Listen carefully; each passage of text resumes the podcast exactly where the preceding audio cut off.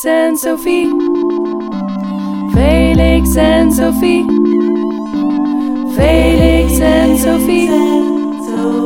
Felix Vandaag gaan we het Sophie. hebben over Baudrillard. De consumptiemaatschappij, klimaatverandering, bullshit job, wat voor soort dingen simulacra zijn. En natuurlijk hebben we het ook nog even over Marx. Omdat Josephine zelf de avond organiseert, is het de gast bij haar eigen podcast. En zullen jullie het met mij moeten stellen voor de voice-over. Naast Josephine sluit het ook Floris en Casper aan. De podcast is ook wat langer dan normaal, maar ik heb zo het vermoeden dat jullie luisteraars daar geen enkel probleem mee hebben. Welkom bij de Felix en Sophie podcast. Ik heb hem aangezet. Ik zit hier met Floris en Casper, allebei redactieleden ook van Felix en Sophie. En we gaan het hebben over Jean Baudrillard. Maar waarom over Jean Baudrillard, Josephine? Waarom Waarom wil je nou over hem hebben? Ja, ik vind het heel fascinerend aan hem dat... eh, nou, we hebben een paar maanden geleden een Donna Haraway avond gehad. Eh, en zij voorzag ook al in de jaren tachtig ehm, maatschappelijke tendensen die nu eh, eigenlijk nog... Waar, waardoor haar werk nu nog relevanter is dan destijds. En bij Jean Baudrillard zie je eigenlijk hetzelfde. Alleen is zijn werk niet zo breed opgepakt als haar werk. Ehm, en zijn werk is denk ik altijd een beetje onderbelicht gebleven.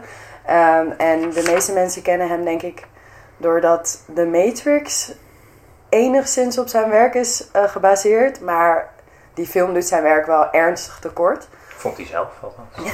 Vond hij zelf, maar dat vind ik ook wel. Hoe kijken jullie naar Baudrillard als eh doorgewinterde filosofen? Wat wel interessant is aan Baudrillard, dat hij werkelijk over van alles en nog wat heeft geschreven. Ook over mode en over oorlog en de Verenigde Staten. En ook inderdaad daar altijd zijn soort wonderlijke fascinatie voor alles met beelden centraal in staat. En dat is wel heel erg bijzonder. En hij is ook fotograaf geweest. Iemand die echt all over the place is. En Ja. dat is wel gaaf. Ja. Misschien goed om te vermelden dat hij eigenlijk van huis uit geen filosoof is. Maar hij is Nee. die Germanist is, omdat hij dus Duits heeft gestudeerd.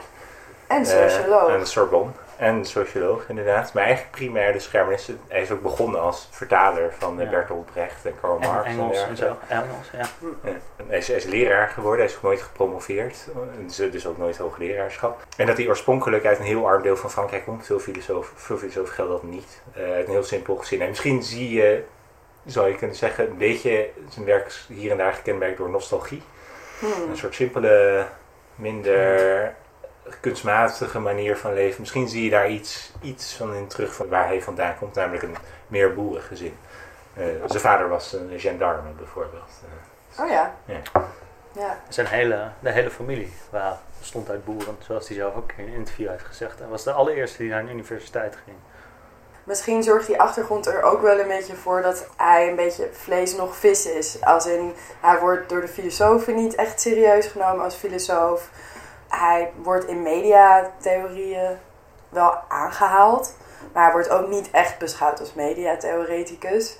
Ik weet niet eigenlijk hoe die in sociologische kringen wordt beschouwd. Misschien is zijn werk ook wel een beetje gaan afwijken van waar ze zich normaal binnen de sociologie mee bezighouden. Ja, het was ook een beetje een excentrieke man die hele vreemde uitspraken deed. Hij kwam in de ophef met zijn anti-Foucault boek, maar ook met allerlei uitspraken over het feminisme die zachts gezegd twijfelachtig zijn. Die levensvijfde van hem, voordat hij zo'n, in zijn woning had hij dus meer dan 60 televisies.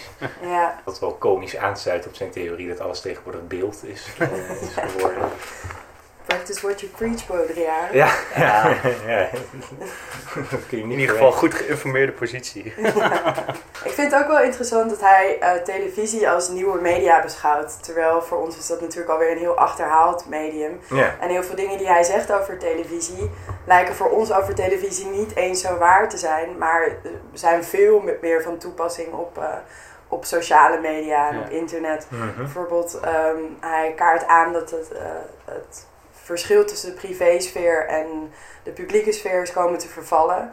En hij ziet dat ook als echt wel iets pervers, een beetje obscene. Dat alles maar transparant is en dat alle Ja. informatie maar wordt gedeeld.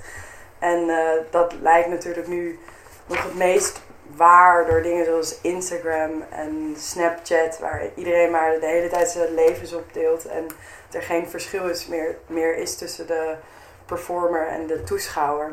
Ja, ja, en wat hij als eerste constateerde was dat dingen primair steeds meer hun waarde gingen ontlenen aan sociale differentiatie. Of dus Ja. ik bezit iets primair om wat datgene is, maar primair om het te onderscheiden van jou en van jou. Ja. Ja. Daarom kleed ik me op zo'n manier. Daarom is een kritiek op, op hoe wij ons leven inrichten, hangt daar ook mee samen. Dus we zijn primair iets omdat we van andere mensen verschillen. Dat is onze persoonlijkheid, niet meer omdat we iets zijn.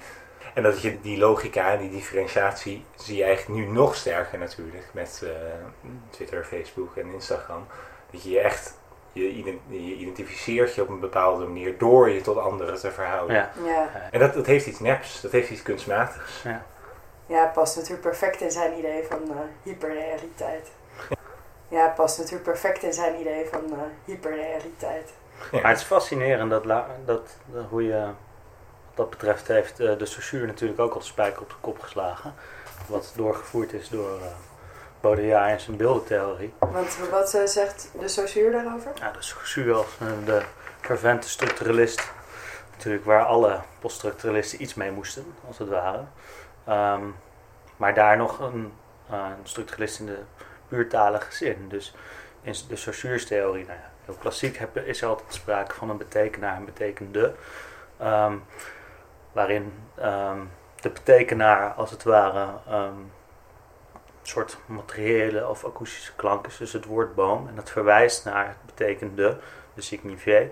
En dat is een mentale, mentaal beeld van, Ja. eh, van een boom. Maar die twee dingen samen verwijzen naar de referent, wat dus een concrete boom is. Maar dat hoeft dus niet per se, want die, dat is het verband tussen de betekenaar en de betekende gaan eigenlijk een eigen realiteit vormen. En binnen die, dat hele taalsysteem, daar komt dus het idee van het verschil terug, ehm, is dat eh, betekenis op zichzelf alleen maar ontstaat doordat ehm, bepaalde betekenis, ehm, betekenissen zich onderscheiden van andere betekenissen. En wat je bij Baudrillard dus ziet, is dat hij die, deze taalstuk, deze talige theorie vertaalt in een beeldentheorie. Ehm, ja, en als je grote stappen maakt, dan kun je blijkbaar eh, hier wat mee doen als je naar ons sociale media gedrag wil gaan kijken. Ja, we hadden het van tevoren ook even kort over, over dat Foucault dat eigenlijk al deed.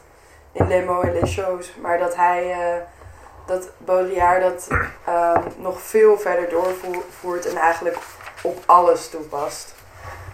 Ehm, hoe zit dat bij Foucault ook weer precies in elkaar?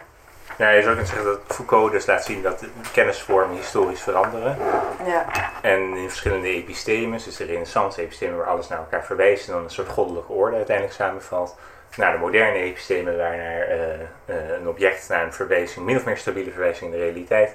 Naar het postmoderne systeem waarin alles heel ingewikkeld is geworden. En eh Baudrillard heeft eigenlijk een soort vergelijkbare theorie. Dat zal hij zelf niet leuk vinden dat je het zegt, maar ehm, eh, die die een beetje endt op eh, wat Marx in het kapitaal schreef over hoe objecten hun waarde kregen. Dan heb je echt drie, echt vier, maar goed drie belangrijkste soorten waarden van objecten. Dus je hebt de gebruikswaarde, eh, die voor Marx ook echt de ware waarde was, volgens Baudrillard althans.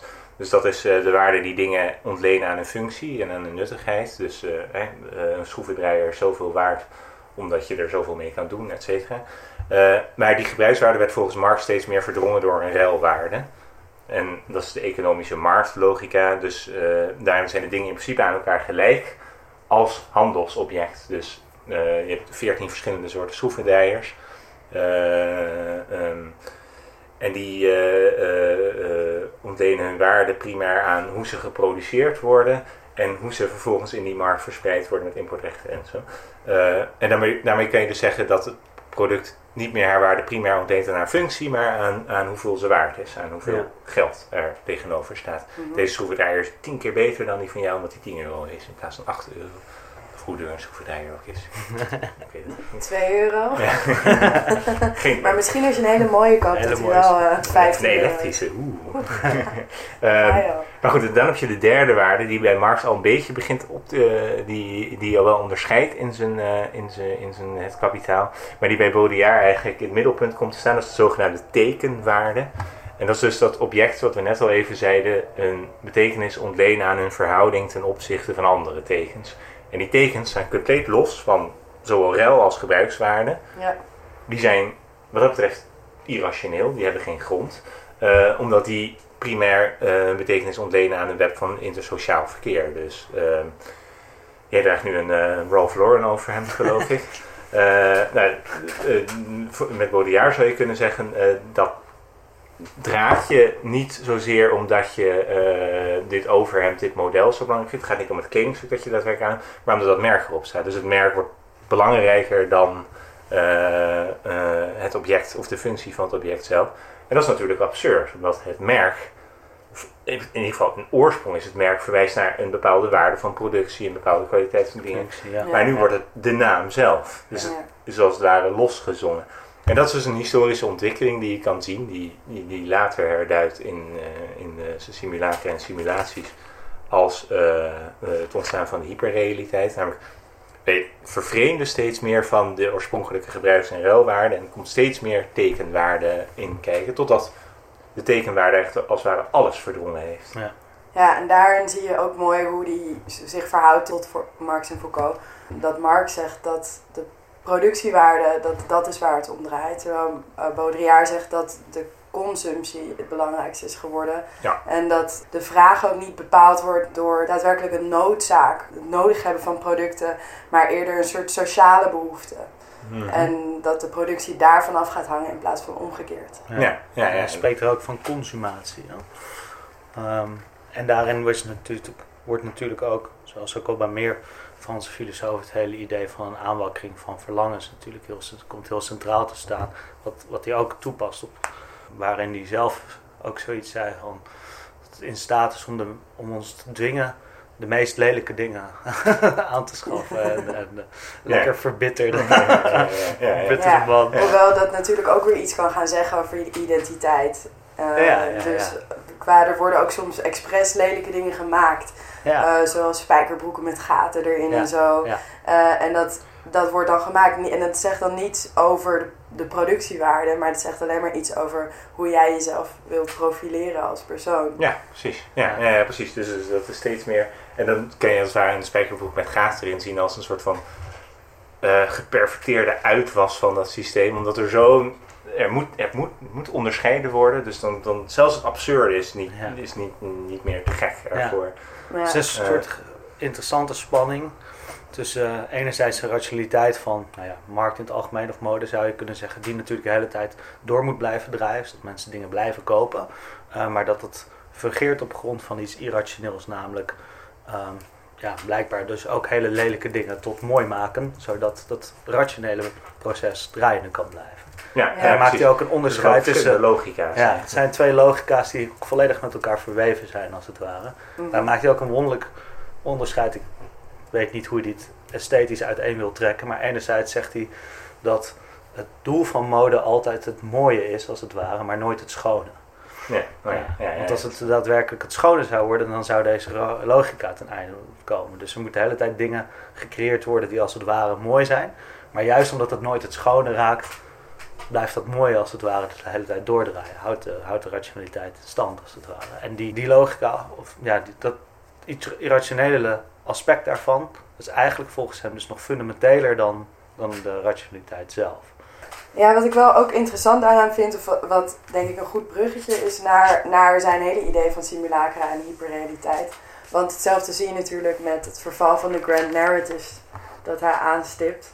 Dat de hele geschiedschrijving werd gedicteerd door ehm, nou ja, de machthebbers. En ehm, dat wat daarin gedicteerd werd, alle veldslagen waren. En alle koningen die op alle tronen kwamen. En dat dat natuurlijk maar een heel klein stukje is van wat er daadwerkelijk in de geschiedenis gebeurde. Ehm, wat ook waar, wat hij duidt door de onmogelijkheid van representatie. Ehm, en dat is denk ik nu een heel groot probleem in deze tijd dat hij aankaart. En dat is weer een bruggetje naar wat jij net zei, Floris. Dat ehm, Ja, het vertaalt dus naar een theorie omtrent beelden. Dus ook als je bij wel meer structurele denkers ziet, dat op een gegeven moment het, de focus op taal als zodanig als enige soort structurerend systeem, dat dat een beetje verdwijnt, omdat het ook buiten taal treedt. En daar, dat tref je ook heel expliciet bij Baudrillard natuurlijk. Ehm, en dan in het bijzonder met de noties eh, omtrent simulacra, simulatie en de hyperrealiteit. Mhm. Het draait er eigenlijk allemaal om dat we daar bepaalde beelden hebben die stuk voor stuk doen alsof ze iets representeren. Alleen doen ze dat niet als zodanig. En volgens Baudrillard, ehm, wat dus ook hyperrealiteit inhoudt, is dat die verwijzing naar de realiteit eigenlijk verdwijnt. Eh, en de hyperrealiteit als zodanig een structurerende rol op zich neemt. En daarmee dus ook onze omgang met realiteit continu beïnvloedt. Ja, ja. Dus hij bekritiseert eigenlijk ook het immanentisme in die zin. Eh, Dus, Ja. dus het idee dat je alles moet verklaren, niet met beroep op een hoger, hogere waarde of iets wat Nee. buiten het systeem ligt, maar dat, het, dat je binnen, binnen het systeem zelf met verwijzingen onderling naar elkaar dingen moet kunnen verklaren. Ja. En dat is voor hem niet zozeer een, per se iets, iets fijns of nastrevenswaardigs. Voor hem is dat eerder een ramp. Dus alles is opgeslokt door die differentiërende logica. Wij consumeren alleen nog maar in verhouding tot elkaar. Maar die logica die is zo totaliserend dat zelfs eh, het verzet of de problemen, die logica dus die onze blindheid voor een soort van buitenwerkelijkheid veroorzaakt, zoals klimaatproblemen, worden onderdeel van die logica. Die worden ingezet. Dat zie je nu vandaag de dag heel duidelijk. En wat dat betreft is hij echt, heeft hij precies de vinger op de goede plek gelegd volgens mij. Met de klimaatdingen. Dat wordt nu expliciet door onze regering overgelaten aan de markt. Hè? Dus de markt Mhm. moet uiteindelijk een beetje het probleem oplossen. Wat al te absurd voor woorden is. Omdat het precies dit consumptiesysteem is. Wat niet grenzen buiten zich duldt. Maar alleen een alles opstokkende logica heeft. eh, die voor die problemen zorgt. Ja. Maar wat je dan ziet is dat natuurvriendelijke producten een categorie worden binnen het systeem. Ja. Wij consumeren nu ten dele althans. Ik zeg niet dat, ik ben niet zo cynisch zijn dat dat alleen maar zo is, maar ten dele is het wel zo dat wij nu bijvoorbeeld milieuvriendelijke artikelen consumeren om onszelf te laten zien als iemand die het goed voor heeft Ja. met de ramp die het klimaat op het moment eh, is. Dus zo zie je dat die logica, dat, dat immanentisme, dus dat dingen alleen maar betekenis ontlenen aan een verhouding tot andere dingen, eh, als het ware een probleem wordt. Zeg maar, het gebrek aan een doel buiten het systeem maakt dat, we, dat het systeem haar eigen oplossing. Ik wil het ook nog even hebben over de verhouding tussen eh, simulacra en hyperrealiteit en simulatie. Ehm, want we hebben hyperrealiteit nu al een paar keer aangekaart. En volgens mij ziet Baudrillard dat als het systeem van simulacra, die eigenlijk allemaal losse onderdelen zijn binnen die hyperrealiteit. Dus concepten op zich, verwij- dingen die eigenlijk verwijzingen zouden moeten zijn. Zoals, eh, ja, hij, hij kaart heel veel mediavoorbeelden aan, zoals het Watergate-schandaal. Maar eh, hij ziet dat eigenlijk in alles terug, ook in, in schilderijen. Dus dingen die oorspronkelijk representaties zouden moeten zijn van een werkelijkheid, maar die op zichzelf betekenis zijn gaan genereren, die eigenlijk losstaand van het object dat zij zouden moeten representeren, of oorspronkelijk zouden hebben gerepresenteerd. Mhm. En hyperrealiteit, voor zover ik het goed heb begrepen, is het hele, het hele netwerk aan al deze simulacra. Want eigenlijk zijn, is alles een simulacrum geworden. En- Ja, het is, of het is, ik denk dat het voornamelijk verwijst naar een reëel zonder oorsprong of realiteit. ja, Dus bijvoorbeeld ook met betrekking tot, tot Bart. Die heeft natuurlijk een verhaal over een kaart. Eh, waarin we klassiek altijd denken dat een kaart een representatie is van een, eh ik veel, een, re- een realiteit. kaart van Amsterdam is een representatie van hoe Amsterdam is. ja, En Bart heeft daarin het verhaal dat je uiteindelijk naar een kaart moet toewerken die zo groot wordt als de stad Amsterdam zelf, als het ware. Nee, dat is Eh, Borges. Oh, Borges, Ja, sorry, sorry, ja, sorry, ja, sorry. Ik ben helemaal in is de war. een Ik bedoel verhaal Borges, ja, je ja, ja. Het is Ja. de keizer die de opdracht Ja. geeft om Ja. een landkaart die zo precies Ja, is. ja. Eh, en dat zijn onderdanen dat gaan doen. Maar dan Ja. maken ze dus een kaart Kaart die even groot is als... te werken Ja, precies. Ehm, maar voor, voor ehm Baudrillard, ehm, omdat die beweegt eigenlijk voorbij, laat maar zeggen, die mogelijkheid van die hele daad überhaupt al. Wat, eh, wat in het verhaal, eh, in het verhaaltje zichtbaar is, als het ware. En dan juist gaat iets, nou ja, kaart of wat dan ook, een, eh, een eh, realiteit op zich toe eigen, die eigenlijk vooraf gaat, wat gek klinkt met het idee van een kaart natuurlijk, aan hetgene eh, wat gerepresenteerd zou worden. En daarmee fungeert het dus zonder oorsprong of realiteit. En dat is wat hij hyperrealiteit noemt. En uiteindelijk is dat nooit, nooit natuurlijk één uniform ding. Of zo. Al die simulacra doen dit op zichzelf en creëren in, als geheel, laat maar zeggen, een enorm netwerk van simulacra waarin ze elkaar Ja, dan zie je ook de grote invloed van Nietzsche eigenlijk. Eh, die eh, in uh, Afgodenschemering of Kotterdämmerung schreef over dat wij de ware wereld hebben afgeschaft. Ja, Ja. Maar met de ware wereld afgeschaft hebben we ook de schijn afgeschaft. Dus wat Nietzsche dan zegt, zijn gebod is, je moet leren houden van de schijn.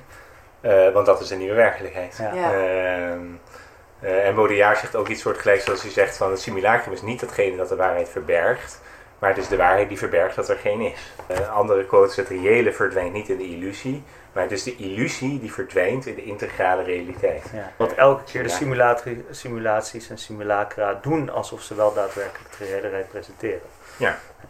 maar daar gaat hij zichzelf toch, naar mijn idee, toch soms een klein beetje in de vingers snijden.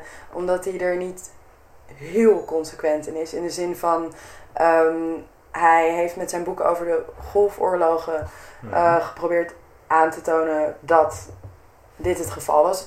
Tenminste, aan de ene kant ehm, benadrukte dat het onvermogen van representatie. ehm, dat het geen representatie is en een nieuwe werkelijkheid gaat genereren. Omdat die oorlogen niet meer bij ons voor de voordeur plaatsvinden zoals het in de moderne tijd deden. deed. Maar heel ergens anders. Waardoor je als eh, westerse consument geen idee meer hebt van wat zo'n oorlog eigenlijk behelst. Uh, maar uh, op een ander niveau gaat hij zich daar ook wel echt heel politiek over uiten.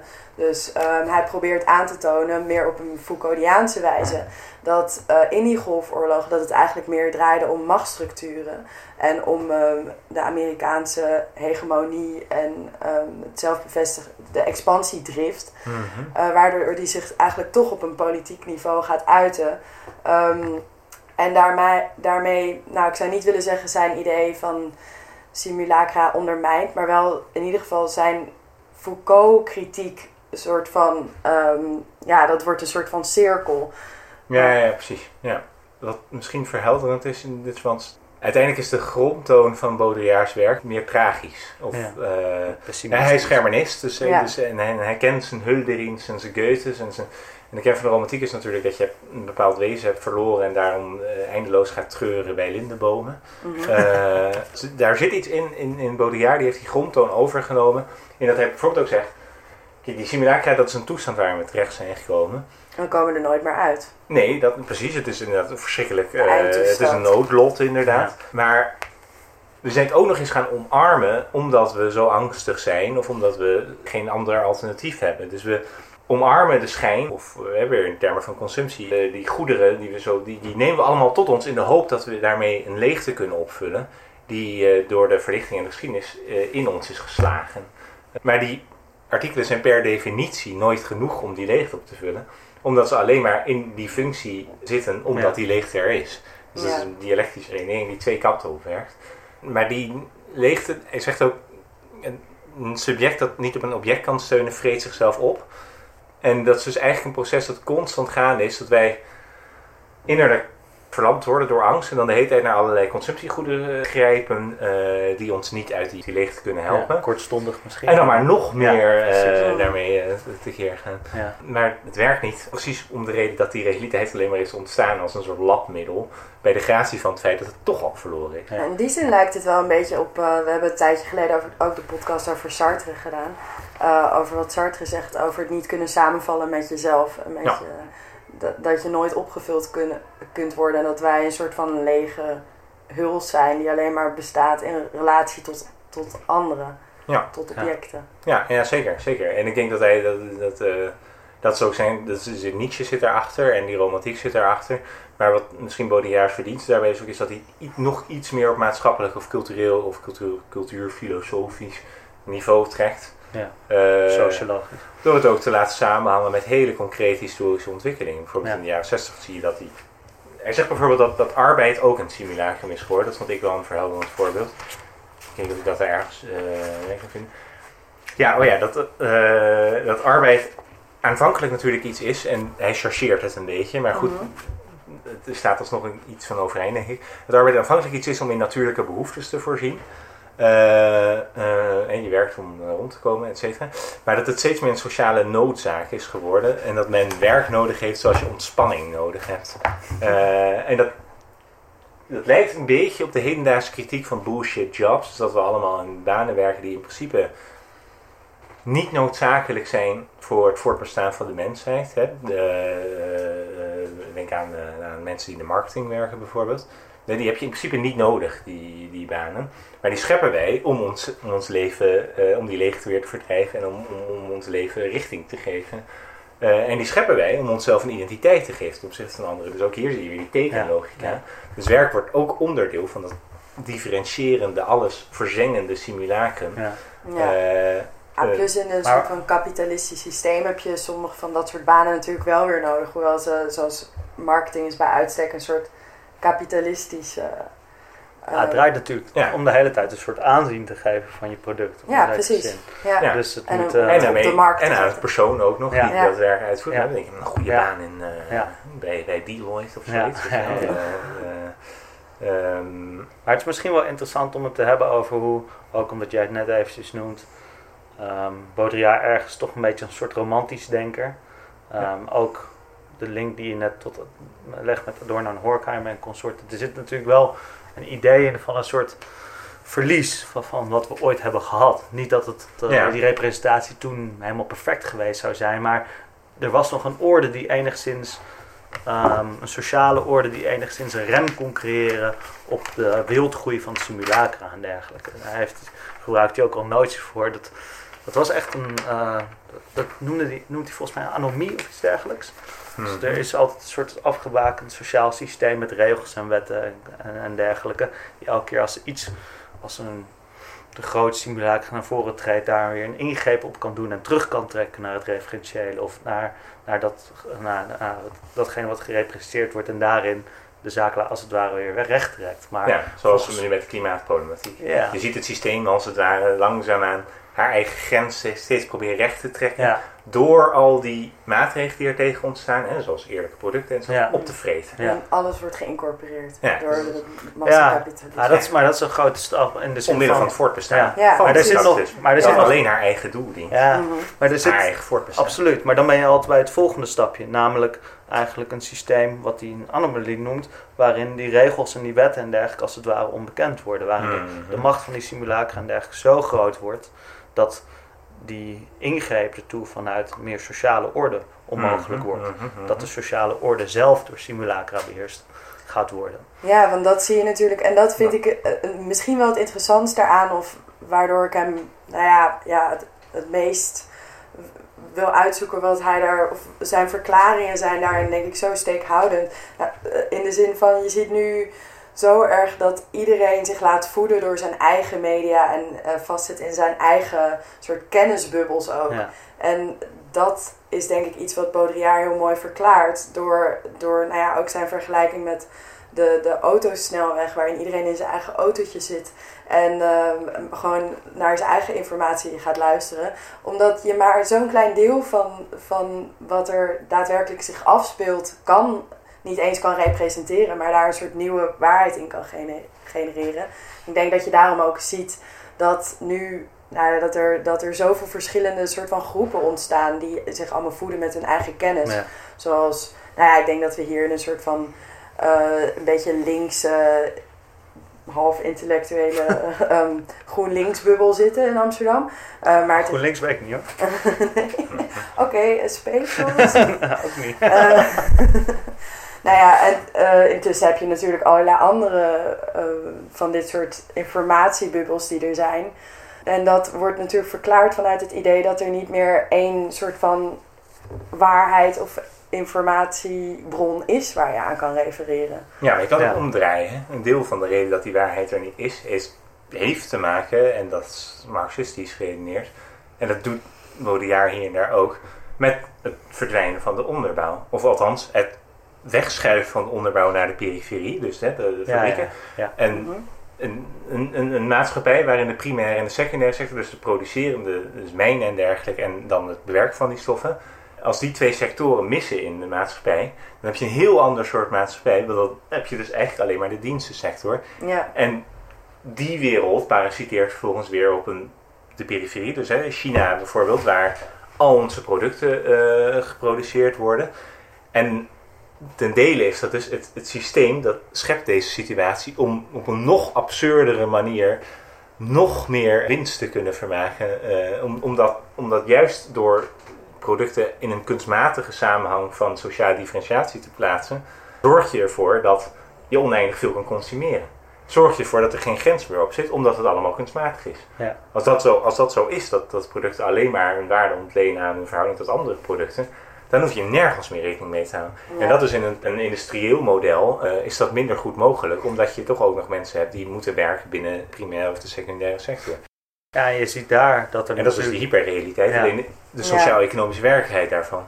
Ja, Ja, en je zou kunnen zeggen dat, dat, nou, dat de verschuiving van de periferie niet meer onderdeel van eenzelfde samenleving, niet meer dat er een directe confrontatie meer is, zoals ten tijde van de industriële revolutie en dergelijke, maar de verplaatsing daarvan, waardoor juist, daarom is consumptie natuurlijk voor Baudrillard zo'n grote thematiek, dat aan de andere kant van de wereld die consumptie lekker op een hele artificiële manier kan doordraaien. Dat Ja. dat systeem de hele tijd aangewakkerd kan blijven worden, Ja. zonder Mhm. eigenlijk de, eh, in aanraking te hoeven te zijn met, de, met datgene wat het mogelijk maakt, als het ware. Ja, dus waar jij het had over- cirkel. Ja, precies, Ja. ja. Eh, en waar jij het ook had over die sociale oorsprong, of in ieder geval, het hangt samen. Dus die theoretische ontwikkeling van simulacra en dat alles relationeel of differentieel wordt, hangt samen met een concreet sociaal-economische ontwikkeling. Ja. En dan zou je dus bijvoorbeeld in dat licht zou je ook kunnen kijken naar hè, die oorsprong die verloren is, waar we allemaal heel rouwig om zijn. Voor een deel is dat de onderbouw die verloren is. De, hè, de harde Ja. sociaal-economische Ja. structuren die ervoor zorgen dat bepaalde objecten zo niet in een ware verhouding staan. Dat is natuurlijk niet zo, maar wel in een minder dynamisch of minder fluïde betekenisverband staan. Is dat ook de oplossing? Uh, Baudrillard is natuurlijk heel pessimistisch hierin. En Ja. eh, die, die zegt, er is eigenlijk geen oplossing, dit is het, het, het eindstadium. Ja. Ehm, maar zou het een oplossing kunnen zijn om de onderbouw eh, terug te brengen naar onze eigen maatschappij? Of Ja, dat- is er een andere Ja, dat- oplossing? Ja, Dus dat, is, dat, is, dat hangt samen. Die vraag hangt gewoon samen met de hedendaags debat over mondialisering. Een van, Ja. de, Ja. van, Ja. de, van, de, van de medicijnen die wordt aangedragen is precies Terugkeren naar een eh, soort... productie op lokale Ja, schaal. ja, ja. Niet die absurde grote voedselindustrie, niet het groot kapitaal dat alle, alle supermarkten in de straat beheerst. Het is één groot bedrijf die alles hier beheerst. Ja. Ja. Als je dat op lokaal niveau organiseert, dan zie je dus de onderbouw, dan zie je dus, dus wat dat betreft, ja, het is een soort, je zegt, is de oplossing, het is een soort vertaling van, eh, van hoe je het met Baudrillard zou kunnen lezen naar, eh, naar het hedendaagse debat. Ja. Ja. Nou, hij zou dat zelf denk ik niet zo zeggen. Ik denk dat hij pessimistischer is. Ja. Ja. Nou, in ieder geval het hij is zegt ook- dat het niet kan. En dat is natuurlijk wel een beetje... Maar daarmee is hij ook typerender voor de jaren 80. No hope, no future. Ja. Maar het is, het is heel dubbel. minder, het is ja. heel dubbel. Want daarom vind, vond ik het wel vrij dat je ook aan het begin van ons gesprek het natuurlijk over had. Dat hij had een soort boerengezin en dergelijke. Want er zit Ja. natuurlijk een soort nos- nostalgie, conservatisme, um, romantiek nog ergens wel in. Ergens Mhm. nog wel een liefde voor, eh, voor die oude afgeschermde samenleving. Sowieso ook al in eh, het vroege Du- of, eh, begin 20e eeuwse Duitse theorie en eind 19e eeuw. Dat ook nog ziet zitten. Maar ik denk ergens dat Baudrillard toch wel donders goed ergens bewust was van dat het een, eh, toch een soort hopeloos verlangen was of zo. Ja. Zoals hij hier zelf uitspraak. En dat, dat vertaalt zich denk ik in zijn pessimisme, Ja, precies. fatalisme, onverschilligheid en dergelijke. Maar Ik weet niet hoe het met jullie zit, maar ik ga binnenkort zeker even langs mijn lokale groentehandel. Het gesprek duurde nog even door, maar wegens lengteoverwegingen voor deze podcast hebben we er hier een einde aan gemaakt. En ik zie jullie allemaal graag terug op dinsdag in Perry om 8 uur. Met onder andere Frank van der Veijren, filosoof en doceert aan het KAS Gent en schrijft over kunst, literatuur en filosofie. Daniel de Zeel, PhD-kandidaat en docent Nieuwe Media. En Frank Mulder, journalist bij OA de Groene Amsterdammer en Filosofie Magazine. Tot dan! Felix en Sophie. Felix en Sophie. Felix en Sophie. Felix en Sophie. Felix en Sophie. Felix en Sophie. Felix en Sophie. Felix en Sophie. Felix en Sophie.